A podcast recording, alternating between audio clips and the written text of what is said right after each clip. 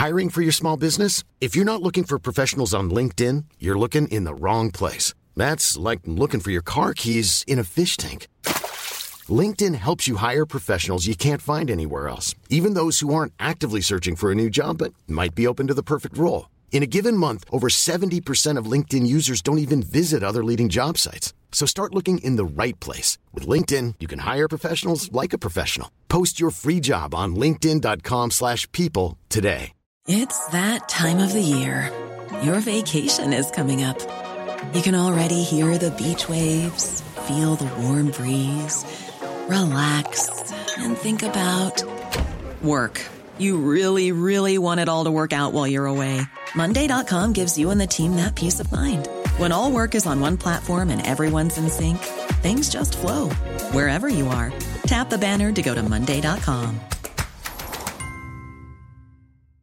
Quality sleep is essential. That's why the Sleep Number Smart Bed is designed for your ever evolving sleep needs. Need a bed that's firmer or softer on either side? Helps you sleep at a comfortable temperature? Sleep Number Smart Beds let you individualize your comfort so you sleep better together. JD Power ranks Sleep Number number 1 in customer satisfaction with mattresses purchased in-store. And now save 40% on the Sleep Number limited edition Smart Bed for a limited time. For JD Power 2023 award information, visit jdpower.com/awards. Only at Sleep Number stores or sleepnumber.com.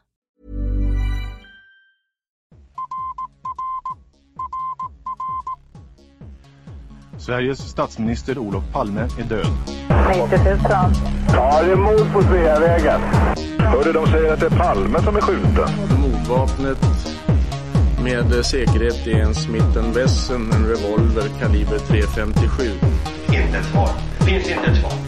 För jag har inget. Och jag har inte varit Varför skulle jag Polisen söker en man i 35 till 40-årsåldern med mörkt hår och lång mörk rock. Palmemordet, Israel och Mellanöstern. Jag heter Dan och jag hoppas ni gillade walkie-talkie-avsnitten med Lars Borgnäs. Källorna som kommer användas i det här avsnittet kommer att vara Granskningskommissionens rapport och Leopold Report. Uppslag som Palmeutredningen bedömt ha huvudsaklig anknytning till Mellanöstern och Israel har i materialet registrerats i det särskilda avsnittet Mellanöstern inklusive Israel benämnt HD Harald David. Avsnittet är ett underavsnitt till politiska motiv som är då eh, H. Avsnittet Mellanöstern inklusive Israel består av drygt 90 uppslag. Det innehåller tips, hypoteser, utredning och annan information om att Israel eller andra länder i Mellanöstern till detta område knutna organisationer eller sammanslutningar eller enskilda personer med ursprung därifrån på ett eller annat sätt skulle kunna vara inblandade i mordet. Av dessa drygt 90 uppslag tillkom en tredjedel redan under första månaden efter mordet. Efter ett år hade hälften av avsnittets uppslag tillkommit. Ytterligare cirka 15 uppslag tillkom fram till och med 1988. Och därefter har bara några få uppslag tillkommit årligen. De tips som kom in första månaden innehöll relativt konkret information om personer som påstås kunna vara inblandade i mordet. Därefter verkar det som, liksom i avsnittet Iran-Irak som vi kommer att komma till, att uppslagen successivt har blivit mer abstrakta och mer motivinriktade. Tips innehållande rena hypoteser om vem eller vilka som kan tänkas ligga bakom mordet har blivit allt vanligare, liksom andra tips som är svåra eller omöjliga att följa upp. En teori som är vanligt förekommande i uppslagen är till exempel att israeliska agenter kan ha mördat Olof Palme. Och vi ska prata lite om Mossad senare. För den israeliska underrättelsetjänsten är väldigt vanlig att skylla på i Palmemordet. Men det finns väl lite konkret i ämnet. Beträffande avsnittets övriga uppslag gäller att ett knappt ett tiotal upptar tips som helt eller delvis bygger på att personer med ursprung i Mellanöstern och Israel påstås likna någon av de så kallade fantombilderna. Fem, sex uppslag är tokuppslag.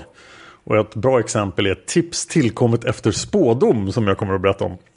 Några uppslag är sådana att uppgiftslämnaren kan misstänkas ha kontaktat polisen för att komma i åtnjutande av någon form av ersättning för sin information. Till exempel ekonomisk ersättning, politisk asyl eller beskydd. Åtminstone tre uppslag innehåller tips om mord som enligt uppgiftslämnaren liknar statsministermordet. Ett par tre uppslag innehåller sånt som Palmeutredningen inhämtat i massmedia och sedan utrett, alltså Palmeutredningen läst tidningarna. Ett tiotal uppslag har efter lång tid följts upp med framförallt registerslagning och förfrågningar till Säkerhetspolisen. I vart fall ett uppslag har efter lång tid lett till mera omfattande utredningsåtgärder och det ska vi gå in på i detalj. Jokop M. Två uppslag innehåller beslut om tvångsmedelsåtgärder. Avsnittets uppslag är med undantag relativt små har inte föranlett några mer omfattande utredningsåtgärder från Palmeutredningens sida. Det mest omfattande uppslaget innehåller drygt 20 underuppslag och det är professor Robert H. Och vi har lite mer information om professor Robert H än vad granskningskommissionen har. Ett par andra innehåller drygt 10 underuppslag. Under första utredningsåret eh, handlades i stort sett samtliga uppslag helt eller delvis för Säkerhetspolisen. Efter att Hans Ölvebro tillträdde som spaningschef i mars 1988 har Säkerhetspolisen anlitats för vissa avgränsade utredningsuppdrag. Vi kommer att redovisa drygt 20 uppslag relativt utförligt. Först de första tipsen som lämnades till Palmeutredningen. Därefter de största uppslagen. Och sist vissa uppslag som granskningskommissionen tyckte var av visst intresse. Och vi börjar med de som kom in direkt efter mordet tipsen de första dagarna.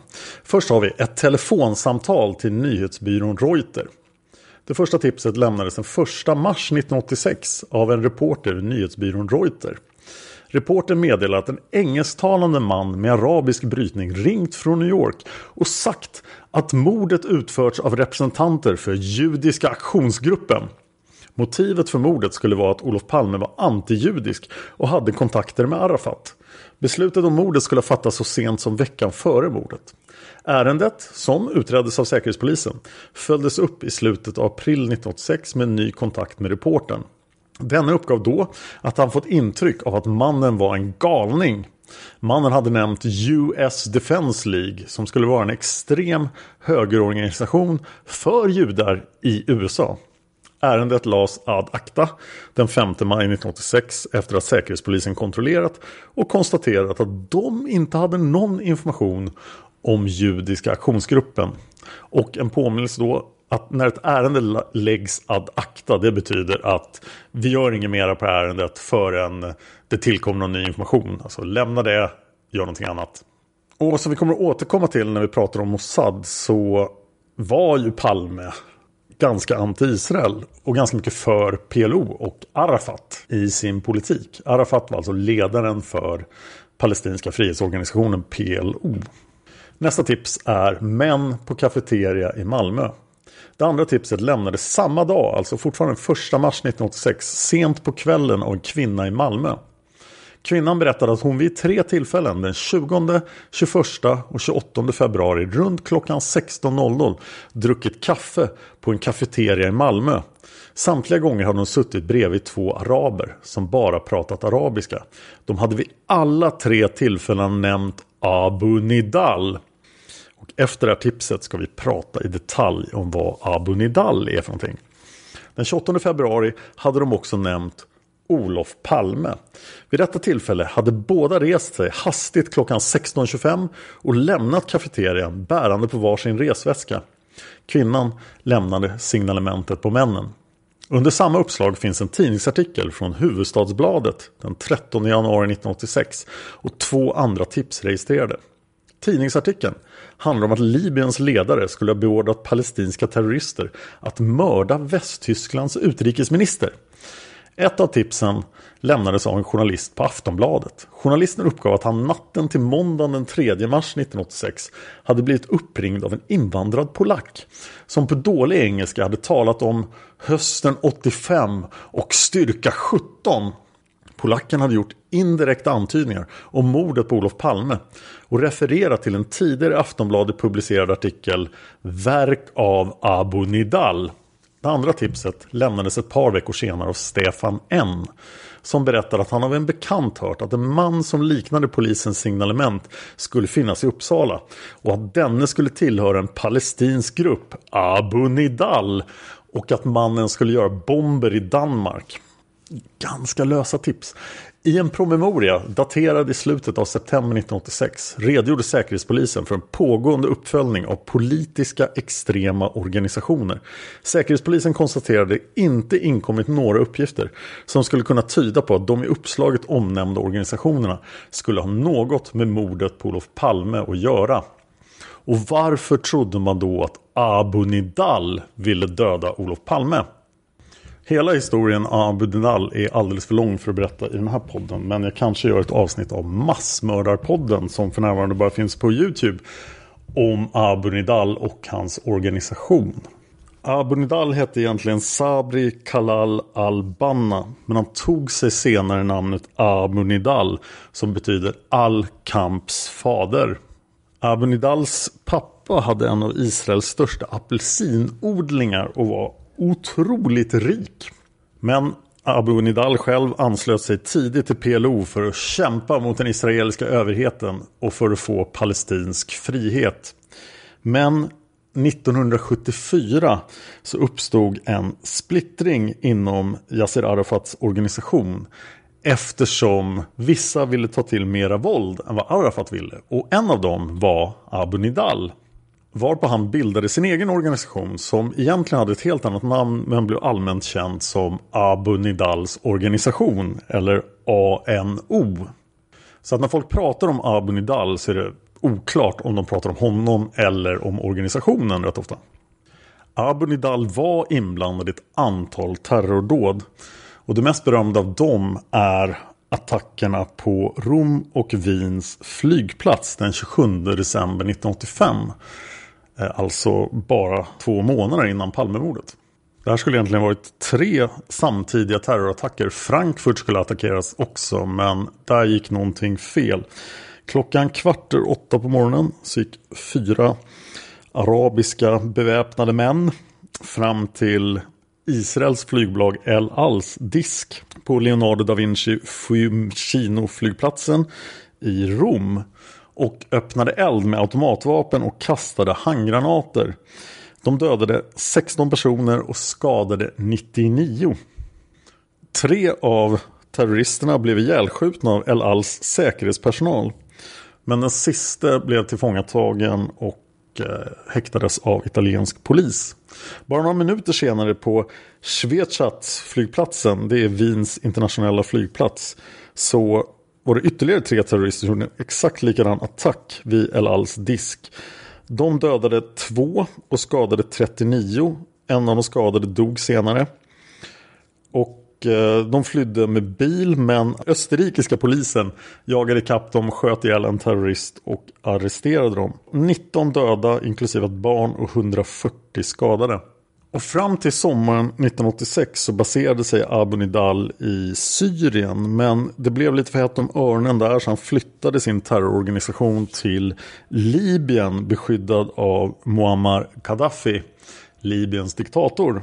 Och Abu Nidal hade verkligen lust att erkänna sig skyldig till allting. Så han tog på sig alla terrordåd som inträffade på 80-talet i princip. Så det är väldigt svårt att veta vilka han faktiskt låg bakom. De här Rom och Wien-attackerna är bekräftade och ett antal andra som jag inte ska gå in på nu. Efter Lockerbie-katastrofen och att libyska personer faktiskt fälldes för den så kände Muammar Gaddafi att det här kanske inte var så bra att associeras med terrorism.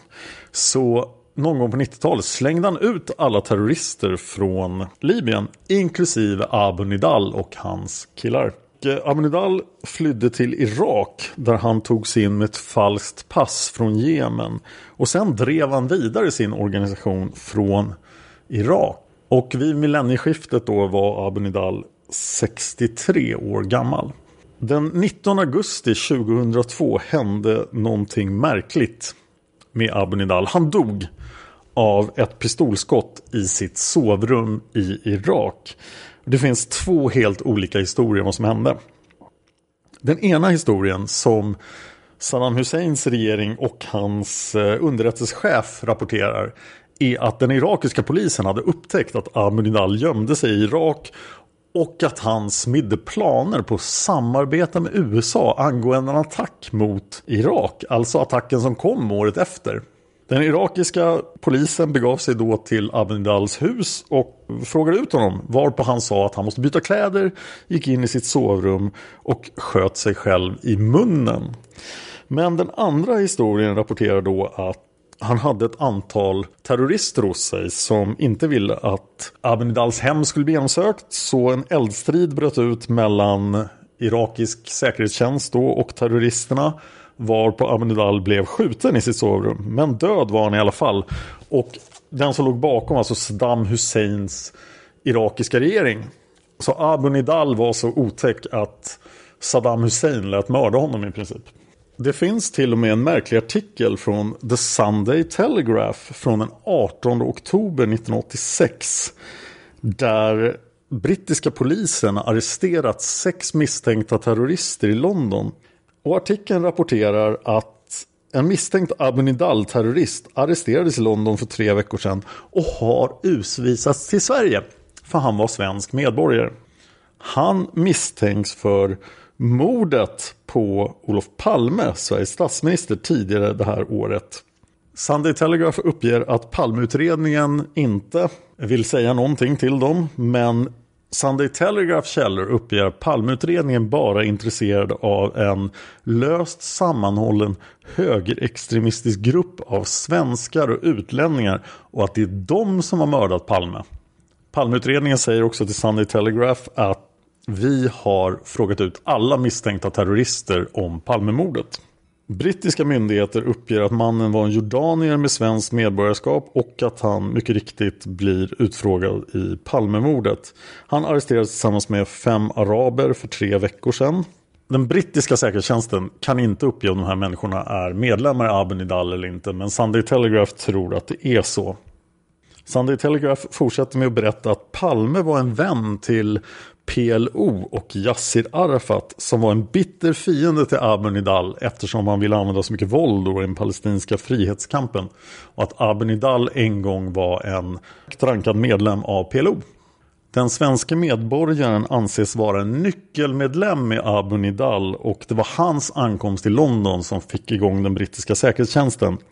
Och när männen arresterades så hittade de ett antal papper som detaljerade den israeliska ambassadören i London, Jehuda Avner, och dennes dagliga vanor. Misstanken då är att Abu Nidal-medlemmarna skulle mörda Israels ambassadör i London. Tidningen berättar vidare att Abu Nidals ingifta kusin sitter i fängelse då 1986 för just att ha försökt mörda Israels förra ambassadör i London. Sunday Telegraph avslutar artikeln med att säga att Sveriges öppna gränser har lett till att 10 000 flyktingar har tagits in i Sverige från Mellanöstern de senaste åren och bland annat folk från Abu Nidal. Sunday Telegraph säger att mer än 80 medlemmar av Abu Nidal-organisationen finns i Europa men Abu Nidal själv uppges vara sjuk och i Syrien då i oktober 86. Det var en jätteparentes men nu vet ni varför man trodde att Abnidal-organisationen faktiskt hade anledning att mörda Palme då. Som ett slag mot Arafat och PLOs i jämförelse med Abnidals relativt fredliga kamp för palestinsk frihet.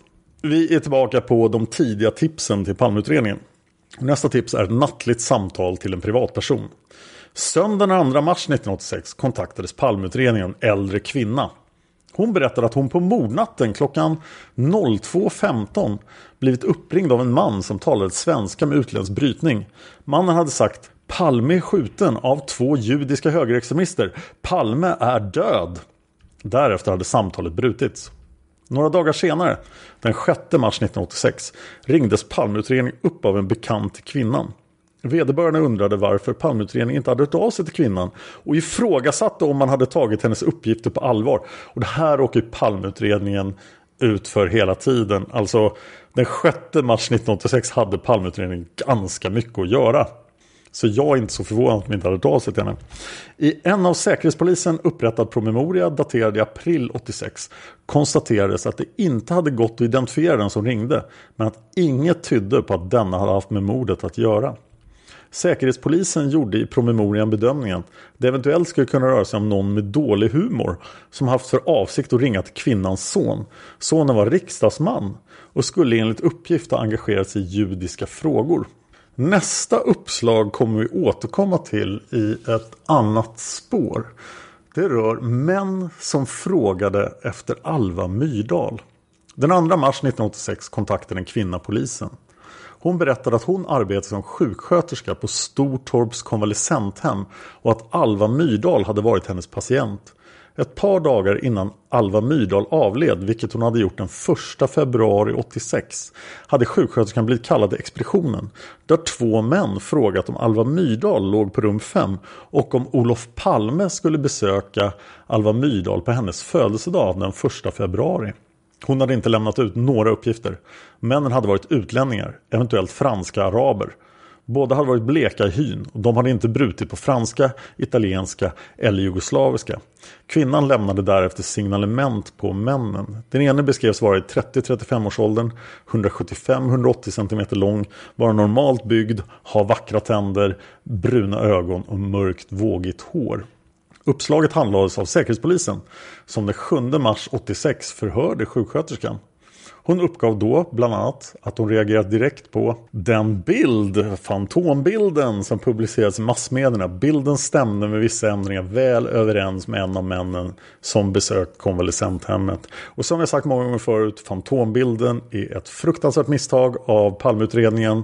Fantombilden föreställer inte någon som har med mordet att göra. Den 18 april 1986 förhördes sjuksköterskan på nytt. Samma dag upprättade Säkerhetspolisen en handling rubricerad ytterligare framkomna omständigheter.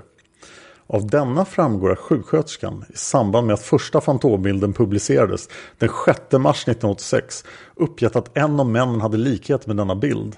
Eftersom vissa detaljer i hennes beskrivning av den mannen stämde in på signalementsuppgifter som Norrköpingspolisen erhållit beträffande polisman L, som vi ska komma tillbaka till i polisspåret, beslöts dels att Mercedesbilen som polisman L och Lars L färdades i skulle spärras vid inpassering till Sverige.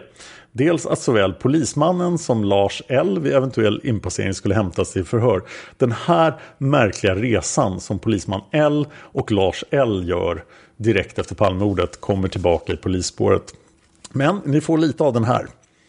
Den 7 mars 1986 klockan 12.40 meddelade Malmöpolisen att den aktuella personbilen påträffats på färjan mellan Köpenhamn och Malmö. Polisman L och Lars L hämtades till förhör klockan 13.10. Efter inledande förhör med polismannen bestämdes att fortsatt förhör skulle hållas av den utredningsman som handlade ärendet vid Säkerhetspolisen i Stockholm. Samma eftermiddag flög förhörsledaren och sjuksköterskan till Malmö där polisman L förhördes med början klockan 17.30. Man märker här att utredningen tror att det här kan vara lösningen på mordet. Denna uppgav att han, alltså polisman L, att han under mordkvällen tillsammans med andra personer besökte ett motell i Norrtälje där allmän dans anordnats. Därefter genomfördes en spegelkonfrontation med polisman L och sju andra personer. Sjuksköterskan fann inte polismannen identisk med någon av besökarna på konvalescenthemmet. Polisman L fick därefter lämna polisstationen. Men då återstår ju frågan, vilka var det som var där och frågade efter Olof Palmes besök hos Alva Myrdal? Den 18 april 1986 upprättade också en utredningsman vid Stockholmspolisen en promemoria i ärendet. I promemorian sägs att polisman L hörts av Säkerhetspolisen den 7 mars 1986 i Malmö och att en konfrontation genomförts. Några dagar senare hölls ett telefonförhör med sjuksköterskan. Hon meddelade då att hon inte hade fler uppgifter att lämna. Slutligen deltog sjuksköterskan i slutet av april vid en spegelkonfrontation med Viktor G, 33-åringen som vi kommer Planning for your next trip? Elevate your travel style with Quince. Quince has all the jet-setting essentials you'll want for your next getaway, like European linen, premium luggage options, buttery soft Italian leather bags, and so much more. And is all priced at 50 to 80% less than similar brands. Plus, Quince only works with factories that use safe and ethical manufacturing practices. Pack your bags with high-quality essentials you'll be wearing for vacations to come with Quince. Go to quince.com/pack for free shipping and 365-day returns. How would you like to look 5 years younger? In a clinical study, people that had volume added with Juvederm Voluma XC in the cheeks perceived themselves as looking 5 years younger at 6 months after treatment Look younger, feel like you. Add volume for lift and contour in the cheeks with Juvederm Voluma XC. Reverse signs of aging by adding volume to smooth laugh lines with Juvederm Volure XC. For important safety information and to find a licensed specialist, visit juvederm.com. That's J U V E D E R M.com. Not for people with severe allergic reactions, allergies to lidocaine, or the proteins used in Juvederm. Common side effects include injection site redness, swelling, pain, tenderness, firmness, lumps, bumps, bruising, discoloration, or itching. There's a risk of unintentional injection into a blood vessel, which can cause vision abnormalities, blindness, stroke, temporary scabs, or scarring. Talk to a licensed specialist to find out if it's right for you. Hiring for your small business? If you're not looking for professionals on LinkedIn, you're looking in the wrong place. That's like looking for your car keys in a fish tank. LinkedIn helps you hire professionals you can't find anywhere else, even those who aren't actively searching for a new job but might be open to the perfect role. In a given month, over 70% of LinkedIn users don't even visit other leading job sites. So start looking in the right place. With LinkedIn, you can hire professionals like a professional. Post your free job on linkedin.com slash people today. Kommer att komma tillbaka till väldigt mycket. Hon kände inte igen honom eller någon av figuranterna. Nästa tidiga uppslag är en handling överlämnad av tyska polisen. Den 2 mars 1986 inkom ett meddelande om att det på ett ankommande flyg fanns en handling som skulle kunna vara intresse för polisen. Handlingen överlämnades samma dag av en purser som fått den av tyska polisen i samband med utresan från Tyskland. Handlingen hade hittats i en ficka på en libanes som tillsammans med två andra libaneser försökt lämna Tyskland på falska viseringar. Handlingen som innehöll namn och adresser i Sverige hade av den tyska polisen satts i samband med mordet på Olof Palme. Handlingen innehöll namn på personer, någon kiosk och en cigarraffär. Fyra år efter mordet och att uppgifterna inkom under 1990 genomfördes registerslagningar på privatpersonerna. Ingen av dem förekom i de polisiära registren. Säkerhetspolisen meddelade i november 1990 att det på en av personerna fanns en gammal notering angående en kontakt med den polska beskickningen. Så här måste man undra varför trodde den tyska polisen att det här hade någonting med mordet på Olof Palme att göra? Det känns som vi inte riktigt fick reda på allt. Sen kommer då det fantastiska tips tillkommet efter spådom. Den 2 mars 1986 inkom ett spaningsuppslag till Malmöpolisen i vilken uppgiftslämnaren berättade att Olof Palmes mördare hade flytt till södra Sverige. Mördaren skulle tillhöra en organisation i Mellanöstern, eventuellt Libanon, och vara professionell mördare. Mordet var enligt uppgiftslämnaren planerat sedan länge och hjärnan bakom dådet skulle vara en jurist från samma område som mördaren. Juristen skulle dock vara bosatt närmare Stockholm och vara gift med en kvinna av samma nationalitet. Enligt en anteckning av uppgiftsmottagaren var uppgiftslämnaren känd för att tidigare ha lämnat vederhäftiga uppgifter. Alltså hon ringde till polisen och svamlade. Ett par dagar senare sammanträffade polisen med uppgiftslämnaren. Denna uppgav då att mördaren troligtvis befann sig i Helsingborg. Mördaren skulle den 6 eller 7 mars eventuellt lämna Sverige och via Ystad resa till Polen. Från Polen skulle han sedan resa vidare till Mellanöstern. I en promemoria daterad i mars 1988 konstaterar Säkerhetspolisen att uppgiftslämnaren identifierats och att han uppgivit att den informationen han lämnat var hämtad ur hans förmåga att spå i kort. Vi har fler spännande tips från utredningens första dagar. Vi har ett telefonsamtal till Sveriges ambassad i Bern. Den 3 mars 1986 meddelade UD att pressattachén vid Sveriges ambassad i Bern fått ett telefonsamtal från en person som kallat sig Max. Max, som pratat med tysk brytning, hade berättat att Olof Palme mördats av två personer från Abu Nidal på grund av att han haft ett alltför öppenhjärtligt samtal med en KGB-vän från SPD angående ubåtsaffären. Nu är det oklart varför Abu Nidal skulle bry sig om ubåtsaffären men Abunidal brydde sig om väldigt mycket olika saker. De två personerna skulle ha rest från Spanien till Sverige på turkiska pass utfärdade av en libysk attaché i Paris. De skulle ha erhållit mordvapnet med diplomatpost. Max lämnade två allmänt hållna signalement på gärningsmännen och tillade att organisationen de tillhörde skulle ha sitt centrum i Sverige i en ort som började på bokstaven L och som nyligen hade haft en skidtävling. Därefter hade Säkerhetspolisen ett par telefonkontakter med pressattachén. Max kunde emellertid inte identifieras och ärendet lades ad acta den 25 mars 1986. Och sen har vi ett uppslag till. Tips om man som gjort ett konstigt köp av flygbiljett. Den 3 mars 1986 besökte en person som arbetade vid en resebyrå Palmeutredningen. Personen berättade att han vid tre, fyra tillfällen haft kontakt med en arabisk man som presenterade sig som Abdul A.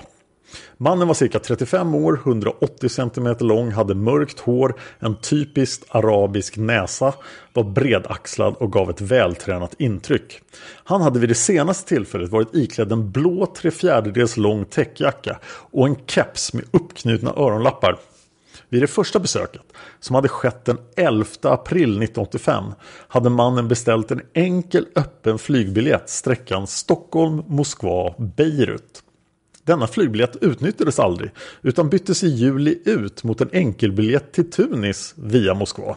Några dagar senare, efter attentatet mot Northwest Orients kontor och den judiska synagogan i Köpenhamn, kontaktade uppgiftslämnaren mannen på ett uppgivet telefonnummer i handen. Där svarade en flicka som verkade nervös och rädd. Det enda hon hade sagt var “Skit i biljetten!” Han har inte fått tala med Abdul A men i slutet av januari 1986 hade Abdul A ringt och frågat efter sin biljett. De hade bestämt att han skulle besöka resebyrån. Det var komplicerat att boka resor innan det fanns ett ordentligt internet. Abdul A hade gjort detta någon dag efter telefonsamtalet, alltså besökt resebyrån. Han hade då burit ovan beskrivna kläder. Ärendet tilldelades Säkerhetspolisen den 20 april 1986 i en promemoria daterad den 23 februari 1986 men det är troligtvis den 23 maj 1986 konstaterade Säkerhetspolisen att Abdul A förekom i deras register för att han hade haft viss anknytning till en person tillhörande PLO. I övrigt var ingen känt om honom och ärendet lades ad acta i slutet av maj 1986. Därefter har Palmeutredningen vid okänd tidpunkt, handlingarna är inte daterade, men det bör ha varit under 1993, gjort en registerslagning och en förfrågan till Säkerhetspolisen angående identifiering av Abdul A och om denne fortfarande fanns kvar i Sverige. I ett svar daterat i juni 1993 identifierade Säkerhetspolisen Abdul A. Denne var en statslös palestinier och hans namn hade förekommit på handlingar tillhörande en palestinier som 1982 hade försökt ta sig in i Sverige på falska handlingar. Enligt Säkerhetspolisen var det oklart om Abdul A vistades i Sverige. I juli 1993 gjorde Palmeutredningen en ny registerslagning och inget anmärkningsvärt framkom.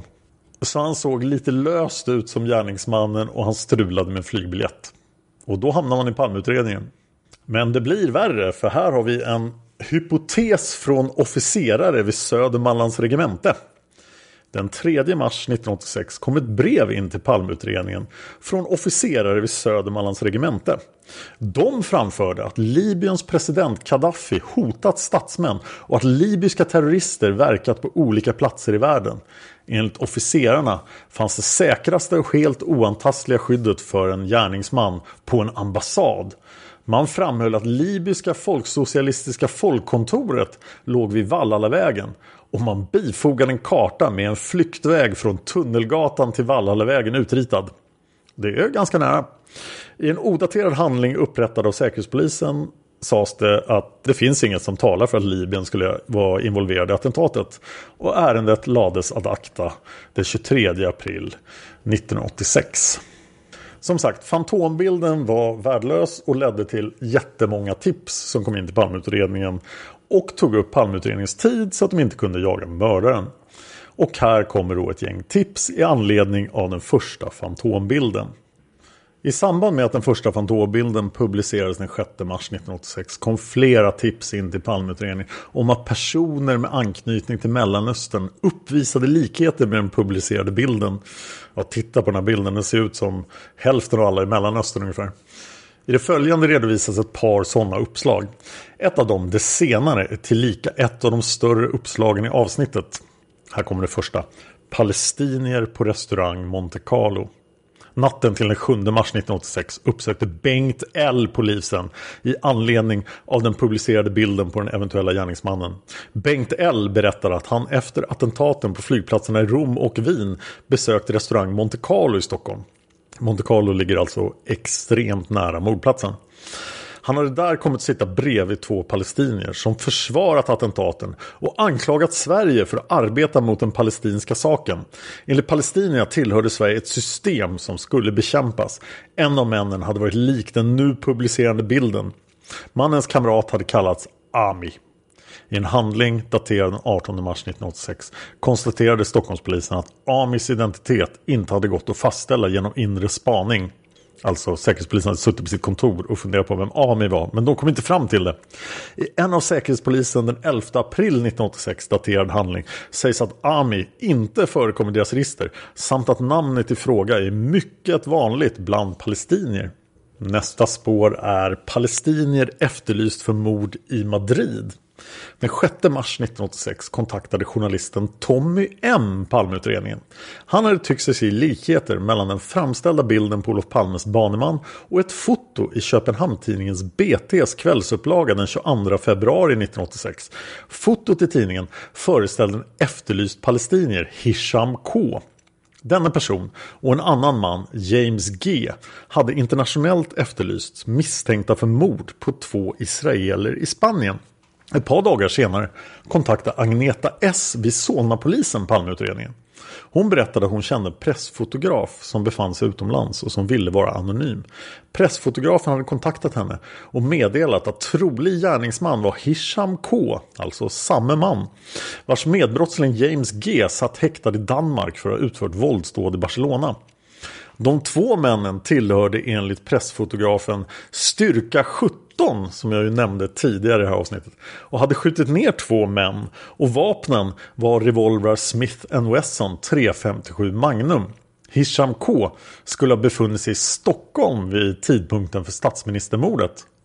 Säkerhetspolisen, som handlade ärendet, konstaterade i en handling daterad den 16 mars 1986 att Hisham K var känd och att han förmodligen arbetade under Abu Jihad inom Al-Fatah.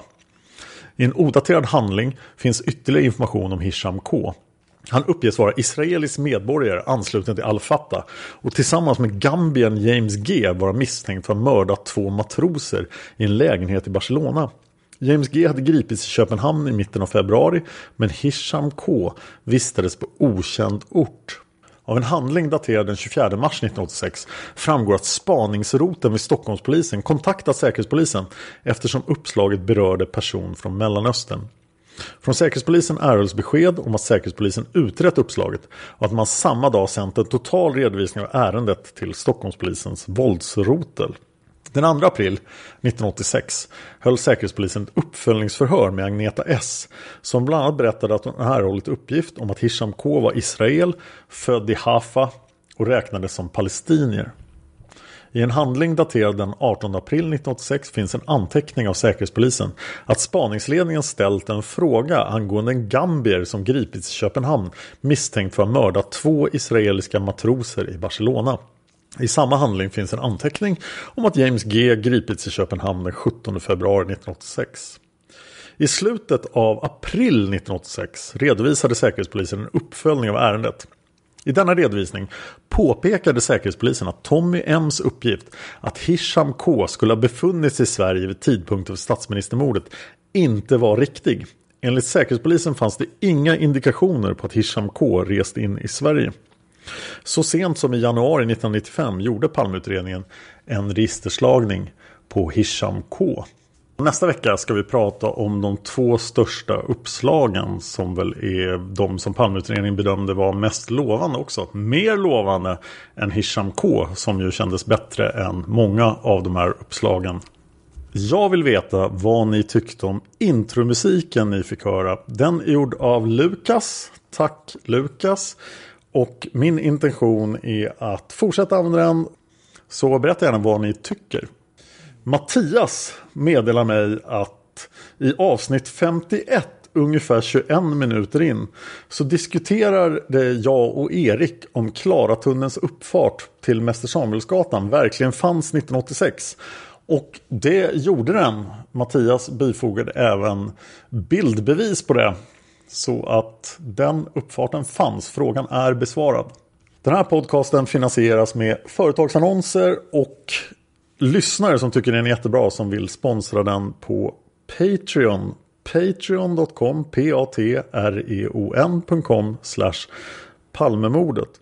Och där finns det även lista på spår och vi är nu extremt nära Polisman A och en introduktion till polisspåret. Faktum är att vi har just nu när jag spelar in där 247 dollar på Patreon och vi behöver 250. Så om det finns tre lyssnare som vill bidra med en dollar per avsnitt så kommer vi att ta upp Polisman A, den mest skumma polismannen och även en introduktion till polisspåret tillsammans med Erik. Erik och jag har varit runt på arkiv. Vi har varit på Stadsarkivet där, eh, väldigt intressant faktiskt, där finns det 17 mappar med alla rättegångshandlingar mot Christer Pettersson.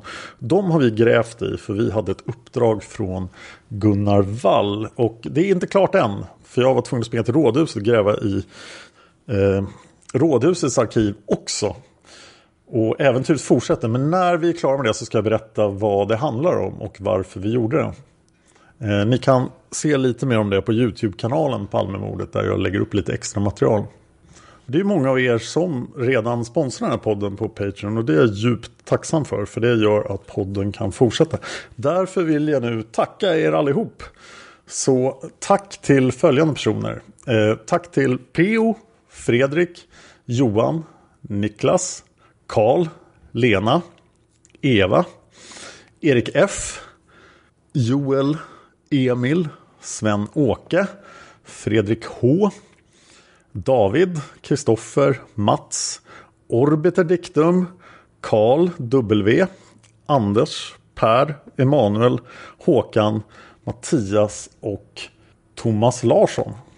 Tack också till Kjell, Jimmy, Petter, Erik G, Rasmus, Odin, Anneli, Fredrik W, Daniel, Lars-Göran, Fredrik B, Marcus, Caroline, Mikael T, George, Morse, Nea, Henrik, Patrik, Marcus, Mats L, Johan, Danderydsmannen, Martin, Johan, Annika, Per K, Mikael H, Anita, Mattias L, Hanna, Johan E, Anders Y, Henrik, Emil, Andreas, Vem var det? Kricke, Staffan, Stefan M, Bjarne, Marie, Gustav, Martin och Anders B. Tack så mycket allihop. Jag kommer inte att tacka alla varje gång jag tackar Patreons. Men eh, oftast tackar jag de nytillkomna. Men nu vill jag tacka allihop för idag och extra tacksam. Om du lyssnar på den här podden på en Apple-plattform så vill jag jättegärna ha iTunes-recensioner. För iTunes-recensioner gör att podden upptäcks av flera. Och jag har lovat er att jag ska läsa alla iTunes-recensioner i podden. Så här kommer de senaste sen jag gjorde det förra gången. Först en recension med rubriken Väcker ett intresse. Fem stjärnor från Holgard. Mycket bra podd som fått mig själv och min bror att inte diskutera något annat än Palmemordet de senaste månaderna. Ja, det är ett ämne värt att diskutera. Nästa recension, rubrik Fascinerande och beroendeframkallade. Fem stjärnor av Promise Divine. Skandiamannen, GH, Polisspåret, Stay Behind och så vidare. Man kan bara sjunka ner i, den här, i det här stora bomullsmolnet av indicier, lögner, misstag och dramatik och låta tankarna go bananas. De saker som i början bitvis upplevdes som irritationsmoment, såsom ljudet, Dans betoningar och sätt att berätta, den levande och stundvis amatöriga känslan, är de saker som är poddens styrkor och genuina personlighetsdrag, ska så småningom definitivt ge några av Dans andra poddar en chans. Och då rekommenderar jag Fan of History, som är min historiepodd på engelska, Sagan om Isfolket-podden, som är min och Anna Erlandssons podd om Isfolket och eh, Seriemördarpodden förstås. Som ju är mycket större än den här.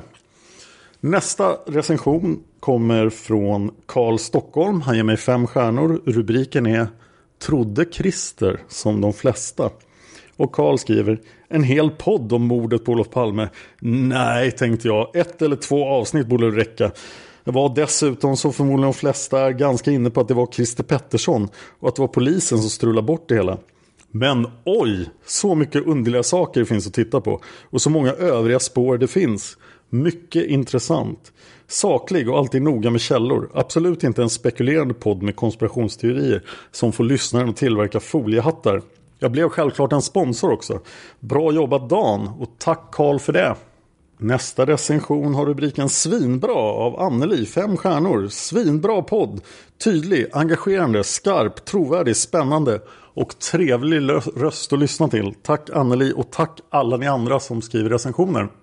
Nästa recension, rubriken Spännande och detaljrik. Fem stjärnor av Miss Modesty 101. Jag tänkte först att det kan inte finnas så mycket material, att det inte räcker till mer än två, tre poddavsnitt. Fel hade jag. Med stor entusiasm slukar jag varje avsnitt och kan inte förstå hur många som hade motiv och möjlighet. Jag och min man diskuterar ofta potentiella gärningsmän och alla märkligheter runt detta fall som vi fått reda på genom denna podd. Jag rekommenderar även seriemördarpodden av samme eminente Dan Hörning. Jag hittar inte på det här, hon hade skrivit så. Nästa recension har rubriken Älskar den här podden av Vickan, fem stjärnor. Verkligen mycket intressant ämne och upplägg. Sponsra via Patreon så Dan kan fortsätta göra denna utmärkta podd. Det finns hur många saker som helst kvar att göra avsnitt om. Ja, det gör det. Det finns många saker att göra avsnitt om. Eh, nästa recension, rubrik En toppenpodd. Fem stjärnor från Kokoskakan. Väldigt bra och intressant podd som djupdyker kanske efter mordvapnet, i allt som rör mordet på Palme. Jag tycker Dan lyckas sammanfatta och berätta all fakta som finns om detta på ett begripligt sätt med inslag av humor. PS. Ljudet har blivit bra enligt mig. Det var skönt att höra. Jag har faktiskt pratat löst om att just dyka efter mordvapnet men det är en annan historia. Då ska vi göra det i, i Tungelsta. Nästa recension, rubrik Annika eh, fyra stjärnor av Annika Moller. Bra och intressant podd som väckte ett intresse jag inte visste att jag hade. Dock dåligt ljud, även när du lånar studio. Bland annat hörs olika billjud, vilket stör en hel del. Jag har inte lånat någon studio för Palmemordet. Jag har ju varit i Yogis studio, men det är ju fortfarande i princip en hemmastudio. Däremot har jag lånat studio för Seriemördarpodden, som man kan höra där. Och det var alla recensioner den här gången. Om du skriver en recension då kommer jag läsa den också. Och var ärlig, berätta. Det här är sättet att berätta för mig saker som jag kan göra bättre i podden. Och ge mig förslag och sådär också. Palmemordet finns på Facebook. Och det är, vill jag gärna att ni går och likar. Eh, jag finns på Twitter som Dan Horning. Och Palmemordet finns på YouTube också som sagt med lite extra material. Och tack för att ni lyssnar. Man hittar Palmes mördare om man följer PKK-spåret till botten. Därför att ända sedan Julius Caesars tid har det aldrig hört talas om ett mord på en framstående politiker som inte haft politiska skäl. Polisens och åklagarens teori var att han ensam hade skjutit Olof Palme. Och det ledde också till rättegång. Men han frikändes i hovrätten. Nu ska vi ut och röva, Stråt. Ja, vi ska ut och röva. A lot can happen in the next three years. Like a chatbot may be your new best friend. But what won't change? Needing health insurance. United Healthcare Tri Term Medical Plans are available for these changing times. Underwritten by Golden Rule Insurance Company, they offer budget friendly, flexible coverage for people who are in between jobs or missed open enrollment. The plans last nearly three years in some states, with access to a nationwide network of doctors and hospitals. So, for whatever tomorrow brings, United Healthcare Tri Term Medical Plans may be for you. Learn more at uh1.com. Even on a budget, quality is non negotiable. That's why Quince is the place to score high end essentials at 50 to 80% less than similar brands. Get your hands on buttery soft cashmere sweaters from just 60 bucks, Italian leather jackets, and so much more. And the best part about Quince, they exclusively partner with factories committed to safe, ethical, and responsible manufacturing. Elevate your style without the elevated price tag with Quince. Go to quince.com slash upgrade for free shipping and 365-day returns. Hey, it's Paige DeSorbo from Giggly Squad. High quality fashion without the price tag. Say hello to Quince. I'm snagging high-end essentials like cozy cashmere sweaters, sleek leather jackets, fine jewelry, and so much more. With Quince being 50 to 80% less than similar brands. And they partner with factories that prioritize safe, ethical, and responsible manufacturing. I love that. Luxury quality within reach. Go to quince.com slash style to get free shipping and 365 day returns on your next order. Quince.com slash style.